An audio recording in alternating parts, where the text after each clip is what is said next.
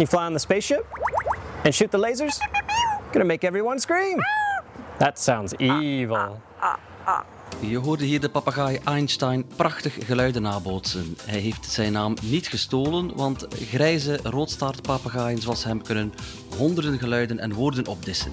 En volgens de beroemde 19e-eeuwse econoom Alfred Marshall had een papegaai maar drie woorden nodig om een diploma-economie te verdienen.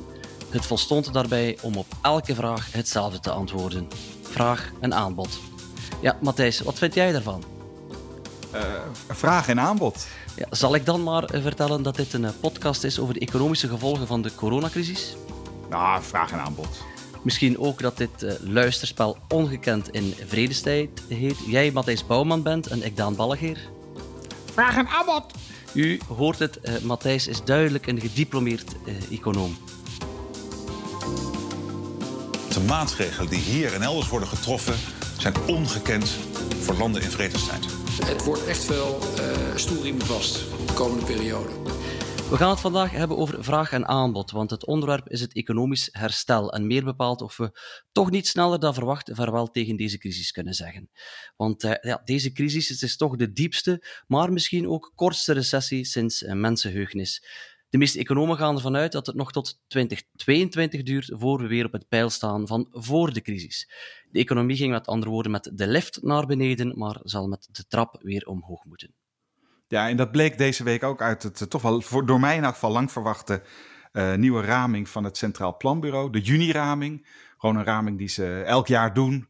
Uh, in de voorbereiding op de, op de begrotingsbesprekingen in augustus. En ze kwamen bij het Centraal Planbureau deze week weer met verschillende scenario's over hoe we uh, wel of niet met de trap of met de lift uit deze crisis kunnen komen. Nou, vooral met de trap, denkt ook het CPB. Maar ze hadden ook een basisscenario deze keer. En dat ging uit van een krimp voor dit jaar van 6,4 procent. En dan gevolgd volgend jaar door een matig herstel met 3,3 procent. En zo zei de directeur het. Nou, dit is in ieder geval de somberste raming die het CPB ooit heeft afgegeven. En we bestaan al 75 jaar. 6 procent krimp van de economie. Dat betekent dat we met z'n allen 50 miljard zo ongeveer minder produceren dan we normaal hadden gedaan. Uh, en dat heeft natuurlijk grote gevolgen voor mensen, voor uh, de werkloosheid die, die echt zal oplopen en voor ongelijkheid. Ja, dat was Pieter Hazekamp, de nieuwe CVB-directeur. De man die nog nooit zijn personeel heeft ontmoet waarschijnlijk. Uh, want uh, toen hij binnenkwam uh, ging hij zo'n beetje meteen in, in, lockdown. Um, hij kwam dus niet alleen met scenario's, maar ook met een echte puntraming. Met een, een groeivoorspelling of een krimpvoorspelling van 6,4% en die 3,3% groei volgend jaar. Natuurlijk opvallend en vrij absurd precies. En dat is wel leuk, dat hoort natuurlijk bij de rol die het Centraal Planbureau heeft. en in dit soort onzekere tijden kun je er alleen maar om lachen. Uh, ze moeten nou eenmaal input leveren voor het ministerie van Financiën. Want er moet gewoon een begroting worden gebouwd voor 2021. In augustus gaan ze daarover vergaderen in het kabinet. En dan uh, moet die gedrukt worden. En dan krijgen we met, met Prinsjesdag in september krijgen we hem te horen. Dus een beetje met tegenzin heeft het Centraal Planbureau gedaan waar ze wettelijk toe verplicht zijn. Namelijk echt precies vertellen op de achter de komma nauwkeurig hoe deze crisis gaat uitspelen. Maar je sprak over een uh, basisscenario. Dat uh, doet mij vermoeden dat er meerdere scenario's zijn en dat uh, het CPB daar ook een verschillende waarschijnlijkheid aan toedicht. kan je daarop meer... ja, ja, Is er iets dat er voor jou uitspringt? Nou, in elk geval hadden ze, ze hadden inderdaad nog drie scenario's om dat basisscenario heen. waarbij opviel ten eerste dat hun meest gunstige scenario van vorige keer uh, waarmee ze in april kwamen, dat is helemaal uit de boeken. Dat was een klein krimpje dit jaar en uh, het eind van het jaar alweer flink herstel. Uh, dat, daar zijn ze echt van afgestapt. Ze hadden vooral twee hele, hele sombere scenario's. Eentje waarbij het allemaal veel langer duurt, waarbij er een soort, ja, een soort self-fulfilling recessie komt, omdat ja, een soort neerwaartse spiraal van faillissementen, van werkloosheid. en dan weer vraaguitval en nou, een soort Keynesiaanse diepe recessie. en dan duurt het nog wel tot 2024 als je naar de cijfers kijkt, totdat we weer terug zijn op het niveau van 2019. Ook een scenario waarbij je nog een keer een tweede ronde corona krijgt. Uh, en dat was echt het, het nou, dit lag ik niet eens over hebben, dat was echt dramatisch uh, negatief. Maar ook, en dat heeft de pers eigenlijk nauwelijks ge gehaald, een gunstig scenario. Dan komt er geen nieuwe pandemie en uh, dan is er een snel herstel, omdat iedereen denkt, zo, voorbij, we gaan gewoon weer normaal doen. bedrijven gaan weer geld uitgeven, consumenten gaan weer geld uitgeven. En dan zitten we eind van dit jaar gewoon weer terug op ons oude pad. Ja, jij bent er duidelijk dieper in gedoken dan ik zelf. Ik ben er met een vogelvlucht doorheen gegaan, maar daarbij had ik toch één zin onderlijnd, omdat ik die wel heel opmerkelijk vond. En dat was krachtig terugveren uit de coronarecessie is denkbaar. Uh, en dan uh, kwam daar niet ver, uh, veel later een wensdroom van de zijn bij en die luidde verschuivingen in werkgelegenheid tussen bedrijfstakken vinden snel plaats, waardoor de werkloosheidsstijging beperkt blijft. Um, ik noemde het een wensdroom omdat het volgens mij toch echt wel heel onrealistisch is. Um, ja, een van mijn favoriete economen zei het volgende, benieuwd Matthijs of je kan raden wie het is. Eh, de verborgen werkloosheid in Nederland is enorm, maar we zien het niet omdat het kabinet virtuele banen op de lege arbeidsmarkt projecteert. Wie was het? Ja, nee, dat was ik deze week. Ja, dat moet wel je favoriete econoom zijn geweest. Ja, dat is, eh, dat is waar. We, zien heel veel van de ellende, zien we niet omdat, uh, omdat de overheid de economie kunstmatig in de lucht houdt. Ik vergeleek dat in de column in het FD deze week met uh, wat, de, wat de Spaanse, in de Spaanse competitie op dit moment gebeurt. In die hele droevige lege stadions wordt gewoon digitaal er een publiek opgeplakt. En ook nog eens even digitaal gejuich en gehuil uh, eronder gedaan. En daar lijkt onze economie ook wel een beetje op. we projecteren gewoon allerlei mooie arbeidsmarktcijfers van helemaal niet zo hard stijgende werkloosheid, niet zo hard stijgende WW-aanvragen. Uh, gewoon omdat de overheid de projector hanteert. Maar onderliggend hebben we inmiddels al 2,1 miljoen werknemers die op een of andere manier aan de trog van de overheid uh, hangen. Dus het is wel hier heel erg. Maar, en ik zal toch even nog een kort pleidooi in vier punten doen, als je het goed vindt. Over waarom ik toch vind dat we dat optimistische scenario niet zomaar bij het grof vuil uh, moeten zetten. Dat een van de eerste redenen is eigenlijk juist omdat de overheid aan het projecteren is en aan het virtuele economie heeft gebouwd. Dat stond ook in het Centraal Planbureau rapport. Die hebben dus uitgerekend hoeveel nou eigenlijk de, het steunpakket de overheid kost. En ja, dat ging om totaal om uh, bijna 27 miljard uh, euro. En 14,4 miljard daarvan is die NOW-regeling, die, die soort deeltijd-WW, uh, waar veel bedrijven gebruik van maken. de steun voor ZZP'ers kost nog een keer ruim 3,5 uh, miljard. Dan zijn er een grote hoeveelheid belastingmaatregelen. Hup, nog een keertje 4 miljard. Nou, en dan hebben we daarbovenop natuurlijk ook alle automatische stabilisatoren. Hè, de WW en dat soort zaken die Nederland altijd al heeft. Waardoor onze recessies altijd al uh, een beetje gedempt worden. Dus juist omdat de overheid doet wat Dr. Keynes heeft voorgeschreven. Uh, bang voor een recessie, ga gewoon enorm veel geld in de economie pompen, ga de vraag stimuleren. Dan zou je al kunnen zeggen van nou, misschien zorgt dat deze keer wel voor een iets minder diepe en kortere recessie. Maar, maar het zijn toch allemaal maatregelen voor tijdelijke beademing? Dit zijn toch geen uh, ja, maatregelen die nog uh, twee, drie jaar kunnen aan... Uh, nee, nee, nee. Dus dit is, hoort ook bij een scenario. Hè. Dit, is, dit, is, alleen maar nuttig in het scenario waarin we ook niet twee of drie jaar een recessie hebben. Maar waarbij we in we eind, eind van dit jaar alweer opgelucht ademhalen en de geschiedenisboeken beginnen te schrijven over die vervelende, korte, maar hele diepe coronarecessie. Ik vind dat niet een super waarschijnlijk scenario, maar ik vind het echt ook niet onmogelijk. Als je het vergelijkt met 2009, 2010, dat is de laatste keer dat Nederland de economie gestimuleerd heeft. Dat was onder Wouter Bos. Toen liep het begrotingstekort heel hard op. Uh, want we gingen de economie uit de recessie stimuleren. Ja, toen ging het om een paar miljard, 3, eh, 4 miljard. En nu dus 26, 27 miljard. Dus het is een experiment wat best nog eens. Hè, je moet niet van tevoren zeggen dat het zal, uh, zal mm -hmm. mislukken. Nou, tweede reden waarom ik nog geloof in de V, een klein beetje, is dat als je gewoon dit rapport van het CPB weer bekijkt, dan zeggen ze het eigenlijk met zoveel woorden: het ergste hebben we al gehad.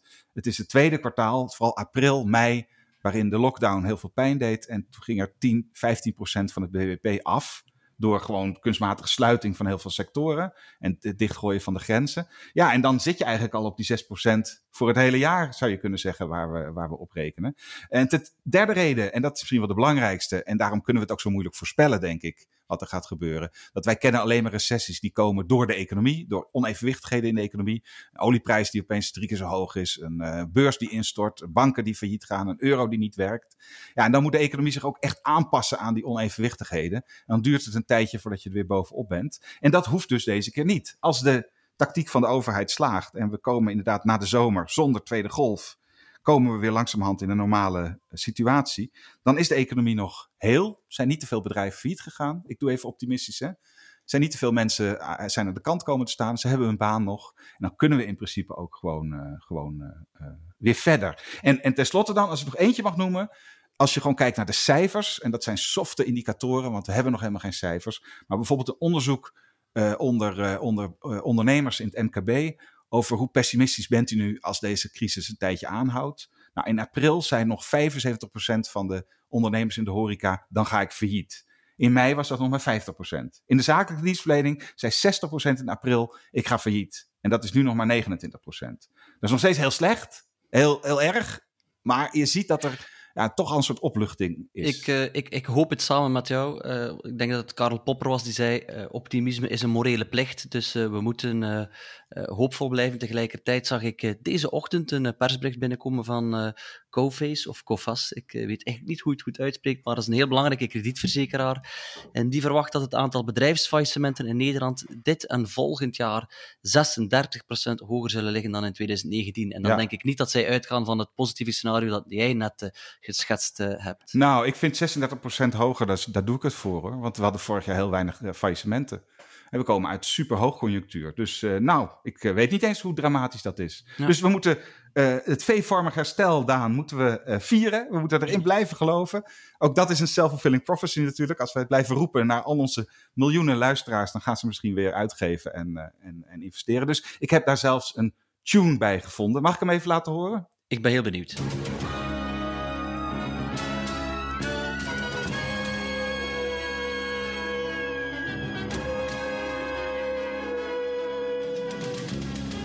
Dat is nog eens een enthousiaste, positieve jaren 80 tune. Herkende je hem? Ik, ik uh, nog nooit gehoord, nee. Nee, dat, ik denk dat je nog niet eens geboren was daar. Het is in 1983, hadden we toen al een Daan? Er was toen al een jaar lang een Daan, ja. Oh, oké, okay, een jaar lang. Nou goed, in 1983 had je voor de tv moeten zitten. Uh, want dat was eigenlijk een van de mooiste series die er ooit, miniseries die er ooit is geweest. De soort begin van de science fiction series was uh, ook op de Nederlandse televisie. Vie, Vie Visitors. Ik ga hem niet helemaal uitleggen, maar even heel kort. Het idee was, buitenaardse wezens, buitenaardse wezens komen op, uh, op aarde. Uh, zijn eerst vriendelijk, maar blijken op een gegeven moment dat ze ons water willen stelen. En de mensheid wint op het eind. En dan hebben we de V van Visitors en de V van Victory. Overigens had Freddy Heineken, die nog zijn eigen uh, reclamecampagnes deed in die tijd. Die had de dag nadat heel Nederland had gekeken. Waarom komen die mensen toch naar, naar de aarde, die, die, die aliens? En toen was uitgekomen dat ze ons water wilden stelen. Stond er in alle kranten de volgende ochtend een advertentie van Heineken. Met alleen maar de mededeling: ach, als het alleen het water is. Geweldig. Ja, dat is nog behoorlijk briljant. Dus briljant op briljant. Nou, dat, dat wordt de tune van deze recessie. En dan gaan we lekker voor de V. Maar niet alleen in Nederland. Uh, Uh, we krijgen hem waarschijnlijk niet hoor, maar ik heb het toch maar mooi even geclaimd dat uh, als er een V komt, heb ik het hier voorspeld. In Amerika zijn ze er eigenlijk ook wel enthousiast over geworden, over zo'n V-vormig herstel. Zeker, er waren de afgelopen weken een paar uitstekende cijfers te rapen die een positief licht werpen op de economische situatie in de Verenigde Staten. En dat is toch nog altijd een heel belangrijk land, ook voor de rest van de wereld. Het is een, een, een, locomotief voor de wereldhandel. Dus vandaar dat het bemoedigend was om te zien dat er een eh, verrassend sterk herstel was op de Amerikaanse banenmarkt in mei. Economen hadden erop gerekend dat er in die maand 7,5 miljoen banen verloren waren gegaan, eh, zodat de werkloosheid zou zijn gestegen tot om en bij de 20 procent. Nu, in werkelijkheid kwamen er 2,5 miljoen banen bij, tot grote vreugde van deze man. We also smashed expectations on the unemployment rate.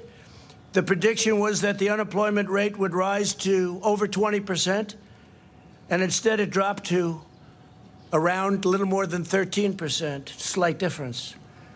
And this time, the greatest comeback in American history. Today is probably, if you think of it, the greatest comeback in American history. But you, it's not going to stop here. Ja, de grootste V in de geschiedenis. Uh, dat banencijfer, want ik was ook verrast natuurlijk, want ik dacht het gaat helemaal mis. Jullie hebben uitgezocht bij het Financieel Dagblad deze week uh, hoe dat eigenlijk zit. Hè? Waar, waarom viel dat cijfer zo mee?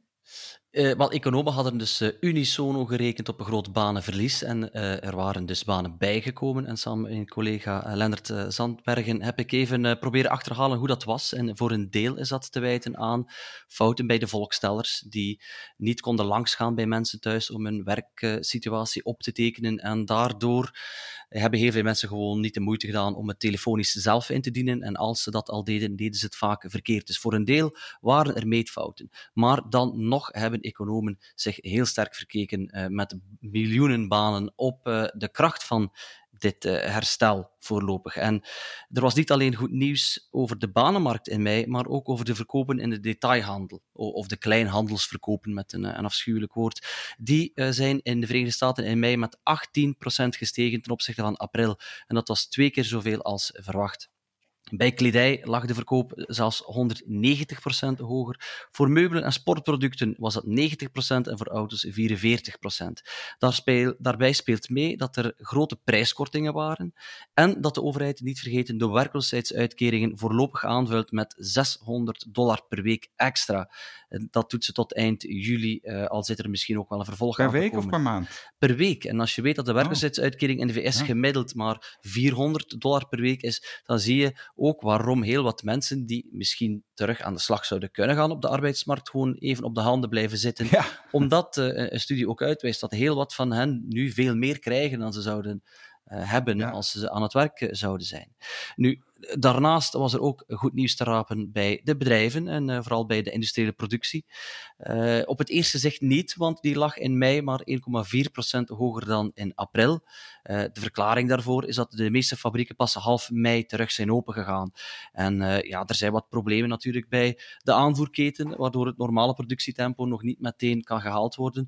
Bijvoorbeeld omdat toeleveranciers in streken zitten waar er wel nog een lockdown is. Maar hè, het, is, die, het feit dat er dan ondanks de eerste twee weken waarin er amper kon geproduceerd worden, toch een groei in zat, betekent dat er ja, toch weer wat dynamiek uh, komt. En vooruitkijkend zit er nog heel wat herstel in het vat, omdat heel wat Amerikaanse staten pas nog later in mei hun lockdown hebben versoepeld. En die zullen dus in de cijfers van juli uh, een stuk beter kunnen zijn. En ook grote autobouwers zijn pas laat beginnen produceren.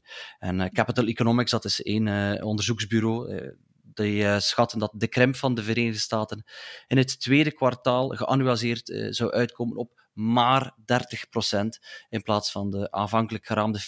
En die Dan ramingen moet je door, door vier delen ongeveer, hè, om Ja, zoiets, een Europees ja. cijfer te komen. ja, Ja. ja. En, en, en dat Zo'n ligt een- 5, 6, 7 procent dan. ja, en dat ligt een beetje in lijn met wat andere economen ook hadden voorspeld. Maar zoals ik daarnet al zei, als het om banencijfers gaat, zaten ze er stevig naast. We zullen moeten zien hoe krachtig het herstel is dat ze nu eh, Ja. voor Ja, ons ik vind het zien wel ik vind het interessant dat je ook begon met dat het een meetfout was. Want eh, dat is natuurlijk wel een groot probleem op dit moment. De economie werkt zo anders dan in normale tijden door, door die lockdown. Dat het heel moeilijk is om eigenlijk te meten wat er nou aan de hand is. Daar had het Centraal Planbureau eh, had daar ook een, een- paar pagina's over. Over wat er nou wel en niet klopt van statistieken. En die zeiden, vond het erg interessant. Die zeiden bijvoorbeeld, het, het, het, zelfs het bruto binnenlands product kunnen we nu nog slechter meten dan we normaal al doen.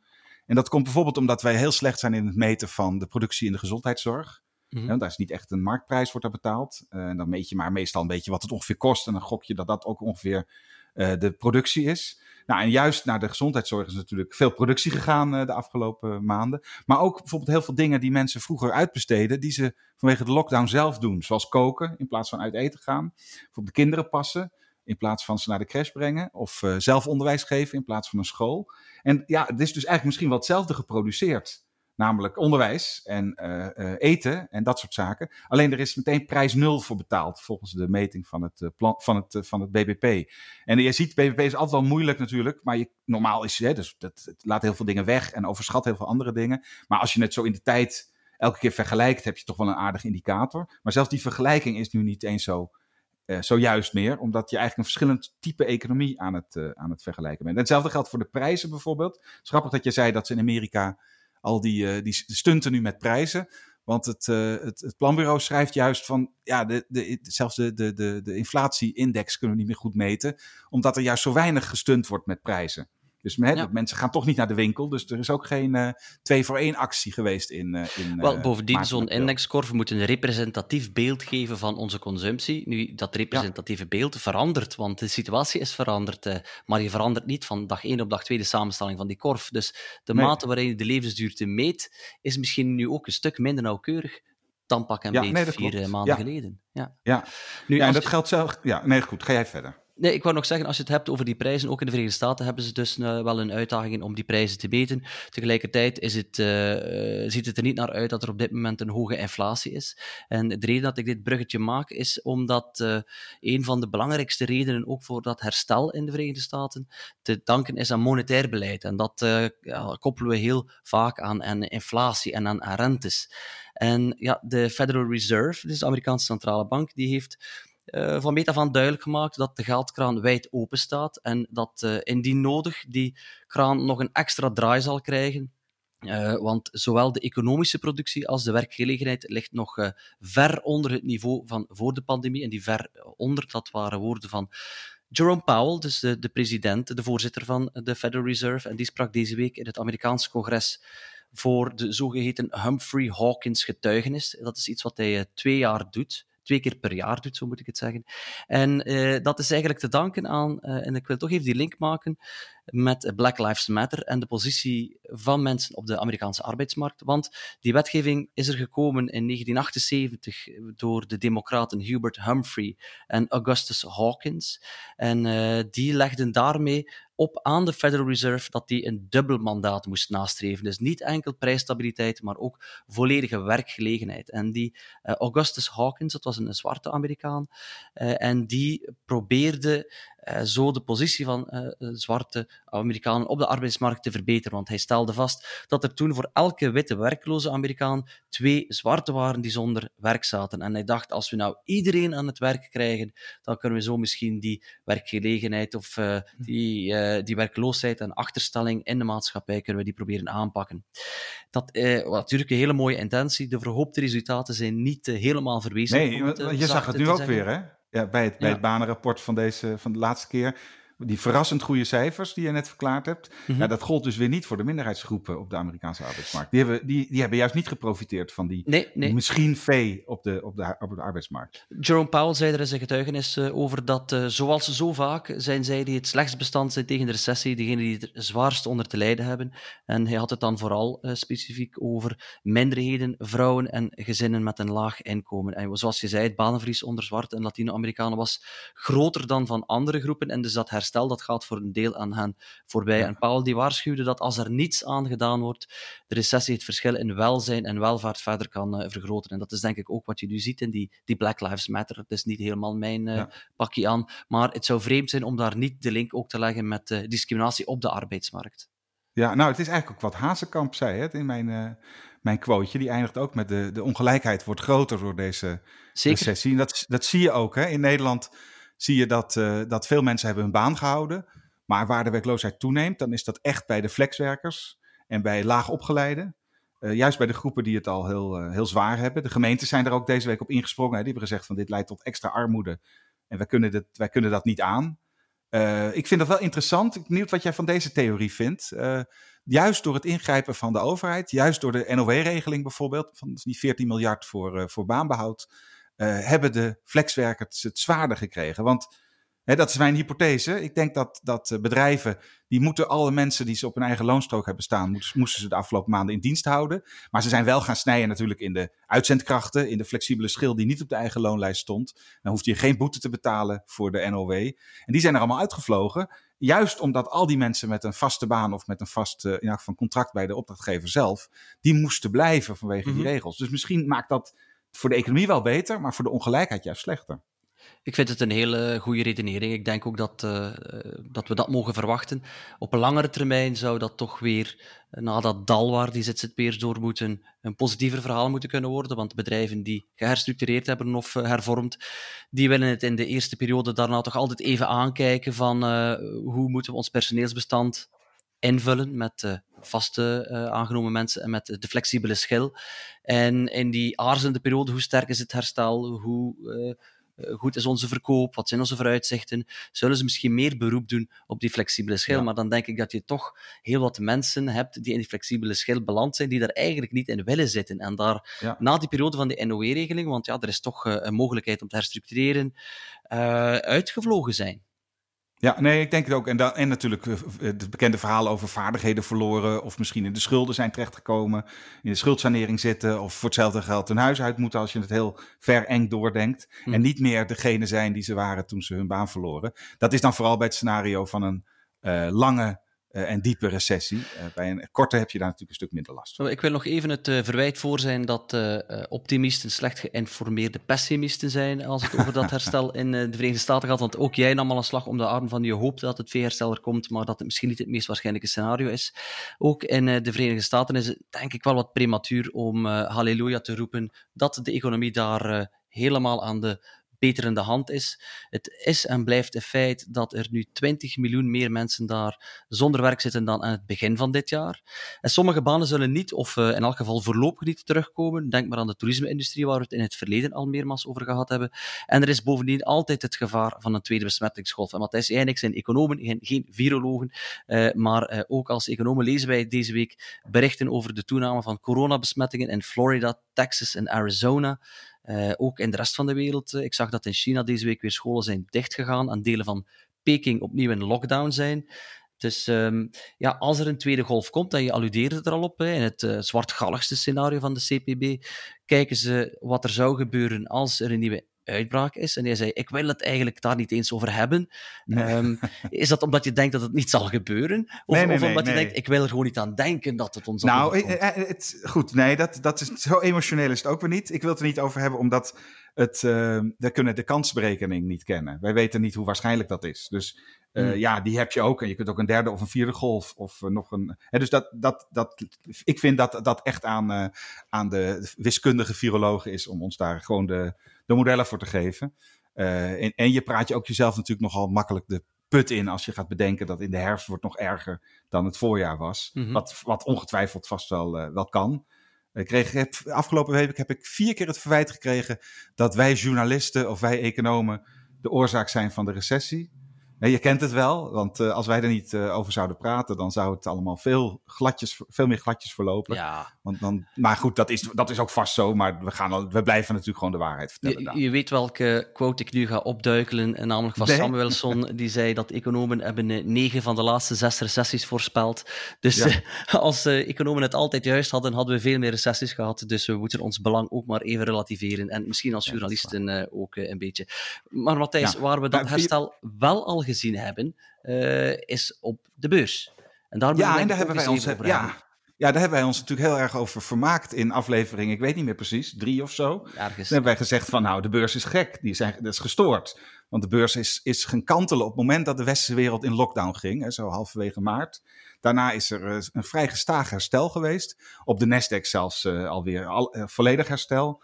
S&P uh, doet dat wel iets minder, AX nog ietsje minder. Maar uh, langzamerhand moet je toch wel nou, gaan nadenken over of ze misschien toch niet een beetje gelijk hadden. Nu je de indicatoren ziet verbeteren en de bedrijven bestaan nog. Uh, ik, ik, nee? ben het, ik ben het eigenlijk uh, moe om voortdurend te herhalen dat het uitzonderlijke tijden zijn. Maar ja. uh, toch is dat zo, want obligaties bijvoorbeeld, Matthijs, die staan geprijsd voor een lange recessie.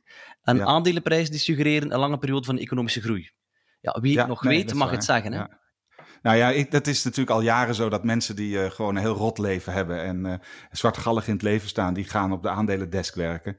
En alle, alle uh, vrolijke dodo's die denken dat el elke dag de zon nog harder gaat schijnen, die worden aangetrokken om in aandelenbelegger te worden. Het zijn verschillende type mensen, maar inderdaad, dat dubbele zit er altijd in. Maar dat zit er natuurlijk ook in omdat de centrale banken zo hard ingrijpen en die rente laag houden. Daarom is, heb je als, als obligatiebelegger heb je gewoon maar de centrale bank in ja. zekere zin uh, en, en, en, jij bedoelde denk ik dat mensen die zwartgallig zijn even recht praten, dat die op de obligatiedesk gaan werken. Je zei aan. Nee, die moeten daar gaan werken. Ja, nee, dat ja, bedoelde ja, ik. Dat zei ik dat niet? Ja, dat zei, bedoelde ik. Voilà.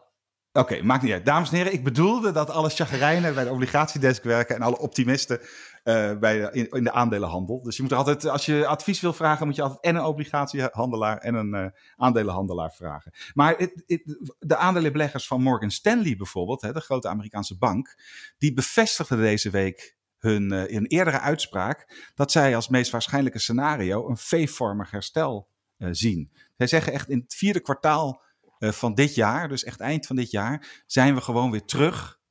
Uh, er komt geen tweede dip op de beurs. Uh, ja, ik weet ook niet waarom ze dat zeggen hoor, maar dat is hun analyse op dit moment. Ze zeggen dan ook, koop nu aandelen in de oude wereld. Want uh, de, de, zeg maar de ontwikkelde wereld, het Westen en Japan, die staan er een stuk beter nog voor dan, dan andere gebieden. dus die verklaren misschien met terugwerkende kracht voor zichzelf helemaal die aandelenrally van de afgelopen tijd, die zien het wel zitten. Ja, toch denk ik niet dat zij tot de meerderheid behoren, want uh, er was een studie van Bank of America die een bevraging heeft gedaan onder fondsbeheerders die over de hele wereld beleggen. En die uh, Bank of America die omschreef het optimisme dat daaruit naar voren kwam als fragiel en neurotisch. Uh, en misschien drie belangrijke bevindingen die ik toch even wil meegeven kort. Liefst uh, 78% van die fondsbeheerders meent dat de markten veel te duur gewaardeerd zijn. En dat is het hoogste percentage sinds Bank of America in 1998 begon met de enquête. En de meeste, hoeveel, je mag even gokken, hoeveel van die fondsbeheerders, Matthijs, denk jij, die geloven dat er een V-herstel komt? In procent. 35 procent. 18 procent. Okay, het cross, ja. 64 procent van de uh, respondenten, die rekent op een herstel in de vorm van een U of een W. En, en dan zat er verder nog een belangrijke waarschuwing in. 58 procent van de fondsbeheerders zegt dat bedrijven te veel schulden hebben. En dat is ook een historisch record onder die, uh, op die ja. vraag. Dus uh, er zit toch wel ja. genoeg in om ook ja, veel bedenkingen nee, te hebben bij de, de waardering op de financiële markten. Die 18 procent die werken allemaal bij Morgan Stanley dan waarschijnlijk. Overigens, ten slotte, en dan moeten we gewoon naar de rubriek hoor. Maar je, je, kent natuurlijk ook wel de Surprise Index. Hè, die geweldig grappige index in Amerika. Die kijkt eigenlijk alleen maar naar van wat zijn alle macro-economische in, indicatoren van de afgelopen tijd. En vielen die mee ten opzichte van de verwachting of vielen ze tegen ten opzichte van de verwachting? Nou, vorige maand was het allerlaagste pijl ooit. Dat betekent dat ze allemaal waanzinnig waren tegengevallen. Deze maand staat hij op het allerhoogste pijl ooit alles valt opeens mee. Dus dat is wel, hè, dat is niet meteen dat het allemaal weer goed komt. Maar we zijn misschien vorige maand collectief wel te negatief geweest. Ja. Kunnen we daar dan een beetje op houden? Uh, wel, ja, ik zou nog willen afsluiten dan van mijn kant met een argument ja. voor en tegen uh, het sterke herstel en uh, tegen misschien eerst het negatieve. Beleggers zijn slecht in het inschatten van ongelooflijk grote onzekerheid en dus prijzen ze het ook gewoon helemaal niet in, in de, de, de, de verwachtingen. Waar kijken ze dan wel naar? Ja, de overheid, centrale banken en die zien ze met bakken geld klaarstaan voor bedrijven. Deze week werd nog eens bekend dat de Trump-regering klaarstaat met een infrastructuurpakket van 1000 miljard dollar. Maar ja, als er toch een tweede uitbraak van het coronavirus komt, wat we daarnet uh, bespraken, dan valt de economie toch weer helemaal of uh, voor een deel stil. Komen bedrijven in de problemen. En er is natuurlijk veel onderzoek naar vaccins, maar die zijn er nog niet. En het zal ook nog moeten blijken hoe goed die dan, dan werken en, en wanneer ze op, dus op de markt komen. Dat is het negatieve, maar ik wil ook nog iets positiefs hebben om mee te eindigen. En dat is dat, simpel gesteld, de waarde van een aandeel de naar vandaag teruggerekende waarde van alle toekomstige verwachte winsten is. En stel voor de eenvoud dat het bedrijf waarvan je in 2019 aandelen kocht, volgens jouw rekenmodel 100 jaar zal bestaan. De waarde van het aandeel zal dus dalen als er een uh, jaar in zit, zoals 2020, hè, zeker. Maar meer dan 90% van de waarde van aandelen hangt af van de winsten over meer dan een jaar. En als een aandeel plots halveert in waarde, is de kans dus reëel dat beleggers in een paniek overgereageerd uh, hebben. Een flink herstel, zoals we dus nu gezien hebben, is niet onlogisch. Al denk ik toch dat het herstel overdreven is. Ja, oké. Okay, ja. Jij bent short, maar je belegt waarschijnlijk niet actief uh, in aandelen. Nee. Nee, nee, nee. nee. Maar dan gaan we dus nu gauw naar onze rubriek. We hebben twee weken lang hebben we een andere rubriek gehad, maar nu gewoon weer goede tijden, slechte tijden.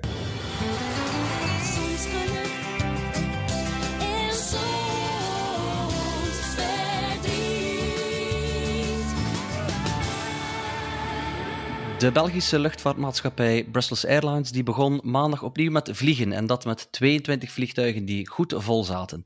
Uh, maar wat als je koers hebt? Dan raak je op dit moment in Brussels Airport niet binnen in het luchthavengebouw en kan je dus ook niet op het vliegtuig. Ja, normaal gezien zou je denken ben je dan je geld kwijt, tenzij je een annulatieverzekering hebt. Maar uh, nu heb je geluk, want Brussels Airlines geeft je tot 31 december volgend jaar de tijd om je ticket dan kostlos om te boeken. En dat eh, geldt niet alleen voor jou, maar ook voor de rest van je reisgezelschap, als zij dus ook beslissen om thuis te blijven.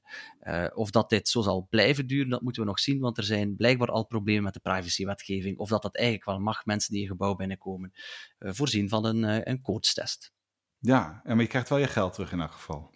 je mag herboeken. Je mag herboeken. Ja. Je krijgt het niet cash oh. terug, je mag herboeken. Oh ja, dan krijg je een voucher, of, want dat is een hele Ik vermoed dat het een soort voucher is, ja. Ah, ja. Oké, dan moet je nog een keer. En dan word je weer, word je, weer je, je temperatuur genomen. Nou, dat is het goede nieuws. Nou, ja, supergoed. Als je ziek bent, uh, ga je dood, maar je krijgt wel je geld terug of een foutje terug. Ik heb uh, echt slecht nieuws. En dat, voor dat slecht nieuws moeten we naar Zuid-Limburg, naar de autofabriek die daar staat in Born. In de Limburgse gemeente Born is de nieuwste vestiging van DAF's automobielfabrieken formeel in gebruik gesteld.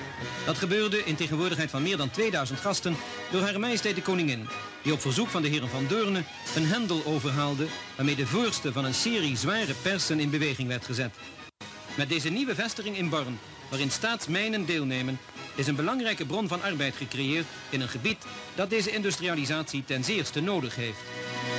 Ja, dat was 1968, uh, Daan. Toen werd, uh, het was nog koningin Juliana, die opende toen een, eigenlijk het, het, grootste werkgelegenheidsproject, het meest langdurige werkgelegenheidsproject. Ze zullen het niet in dank afnemen dat ik het zo noem, wat Nederland ooit heeft gezien. Namelijk de DAF autofabriek, later Netcar. En DAF kwam uit, uit Brabant natuurlijk. En die besloot toch maar daar een fabriek te openen. Want er was zoveel werkloosheid vanwege de mijnsluiting die eind jaren 60 bezig was. Of eigenlijk al bijna voorbij was.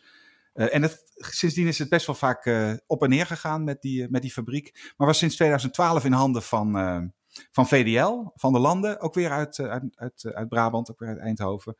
En dat ging eigenlijk best lekker. Die hadden een goed contract met BMW. Ze mogen de minis maken. En ze hadden ook een contract om dat door te zetten. Ook na 2023 zouden ze BMW's blijven maken, nieuwe modellen blijven maken. Uh, maar ja, dat is nu, uh, dat is nu uh, helaas, dreigt dat in de soep te lopen. Volgens de krant De Limburger, die kwam met de scoop, wil BMW af van, van die productie, van dat contract voor Hmm. auto's na 2023. Heeft relatief, denk je, niet zoveel met corona te maken, maar natuurlijk wel. De autosector die wordt keihard geraakt in Europa door corona. En alle plannen gaan, gaan weer overboord. En ze maken nieuwe plannen. En nu gaan ze toch weer meer in hun eigen fabrieken gaan ze produceren. Dat is inderdaad niet uh, zo'n best nieuws. Uh, totaal imaginair onderzoek wijst uit dat luisteraars van deze podcast minder vaak last hebben van stoplichten, immuun zijn voor muggensteken en altijd uitgerust opstaan. Geloof ons niet op ons woord, ontdek het vooral zelf door je te abonneren in je favoriete podcast-app. En dan hoor je ons volgende week terug.